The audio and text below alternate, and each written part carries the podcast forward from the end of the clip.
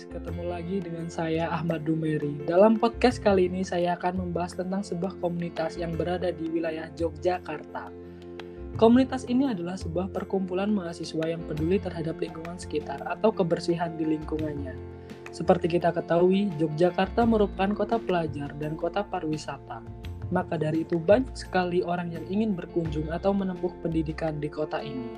Oleh sebab itu komunitas di Yogyakarta sangat banyak sekali seperti Perkumpulan Ikatan Pelajar Mahasiswa Yogyakarta, dan ada juga Info Cegatan Jogja, yang merupakan sebuah komunitas masyarakat yang mengeluarkan keluh kesahnya warga Jogja melalui sosial media. Akan tetapi dalam podcast kali ini saya akan membahas tentang sebuah komunitas yang dilakukan dengan cara berwisata di daerah yang banyak pengunjung di Jogja. Dan salah satu anggota komunitas tersebut ada teman saya di sebuah kampus di Yogyakarta maka dari itu saya akan berbincang-bincang mengenai komunitas tersebut langsung dengan teman saya sebagai narasumbernya. Baiklah, di sini saya sudah terhubung dengan Mas Erik sebagai narasumber komunitas tersebut. Halo Mas Erik, bagaimana kabarnya? Halo juga Mas Dum, Alhamdulillah baik ya, cuman sedikit kurang bertualang lah karena baru uas lah sekarang saat ini. Bagaimana Mas? Oh, oh iya Mas Erik, kan salah satu anggota dari komunitas nih. Kalau boleh tahu, komunitasnya Mas Erik itu apa sih? Dan bagaimana bisa terbentuknya komunitas tersebut? Oh iya iya iya baik baik baik. Uh, ini berkaitan dengan komunitas yang saya ikuti ya saat ini saya aktif di komunitas SAS yaitu Serikat Anti Sampah. Nah, jadi kalau Mas Dum bertanya bagaimana terbentuknya, ini agak panjang ya Mas, tapi singkatnya dulu pas saat saya sering pergi-pergi ke pantai-pantai yang belum dikelola kayak gitu, saya sering ngefoto atau video kondisi di situ. Dan kebanyakan pantai itu ada sampah-sampahnya seperti itu loh mas. Nah terus saya bikin video kan, terus saya share di WA, status WA. Rupanya tanggapan dari teman-teman tuh banyak dan kebanyakan besar tuh, wah menyesal lah kayak gitu. Kok saya begitu kondisinya. Nah Lalu ada teman saya yang namanya Mas Dandi Wantoro Putro, teman SMA saya sendiri dulu. Itu ngajak, Mbok, saya diajak atau bahasa Jawanya, eh bahasa Jawanya seperti itu atau bahasa Indonesianya, ayolah ajak aku kayak itu loh, buat datang tempat-tempat kayak gitu. Oke, saya ajak. Terus saat sudah sampai di tempatnya dia langsung, wah kayaknya kita perlu ini bikin komunitas yang tentang sampah-sampah gitulah. Kayak nah akhirnya lahirlah ini SAS kayak gitu. Ada lagi mas? Hmm, terus apa tujuan komunitas tersebut? Hmm, kalau tujuannya itu ada dua ya mas. Yang pertama itu untuk menjaga lingkungan negara kita khususnya daerah DIY untuk saat ini untuk ke depannya mungkin bisa ke daerah-daerah lain. Dan yang kedua itu untuk mengedukasi mas. Jadi kita mengkampanyekan agar manusia itu rasa apa ya tanggapnya kepada lingkungan sekitar itu tumbuh kembali. Soalnya apa ya yang mendasari dari dua tujuan itu karena takut aja mas kalau anak kita atau anak cucu kita melihat foto kita atau apalah gitu yo yang berkaitan di IG atau Facebook kok zaman dulu bagus kok sekarang jadi penuh sampah lah bapak sama ibu dulu ngapain nah kayak gitu mas ya selanjutnya apa mas ya, ya. Hmm, kalau boleh tahu saat ini berapa jumlah anggota yang tergabung dalam komunitas tersebut? uh, kalau untuk yang bergabung ya Mas karena kita belum mendata secara rinci atau kayak ada ada ID cardnya seperti itu.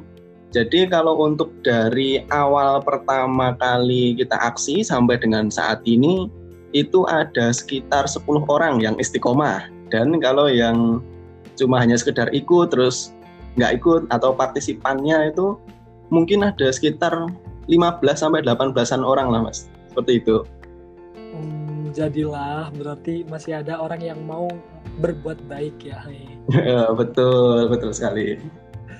Tapi biasanya kegiatan itu dilakukan di mana saja atau di tempat apa gitu, tempat wisata atau tempat keramaian atau kerumunan.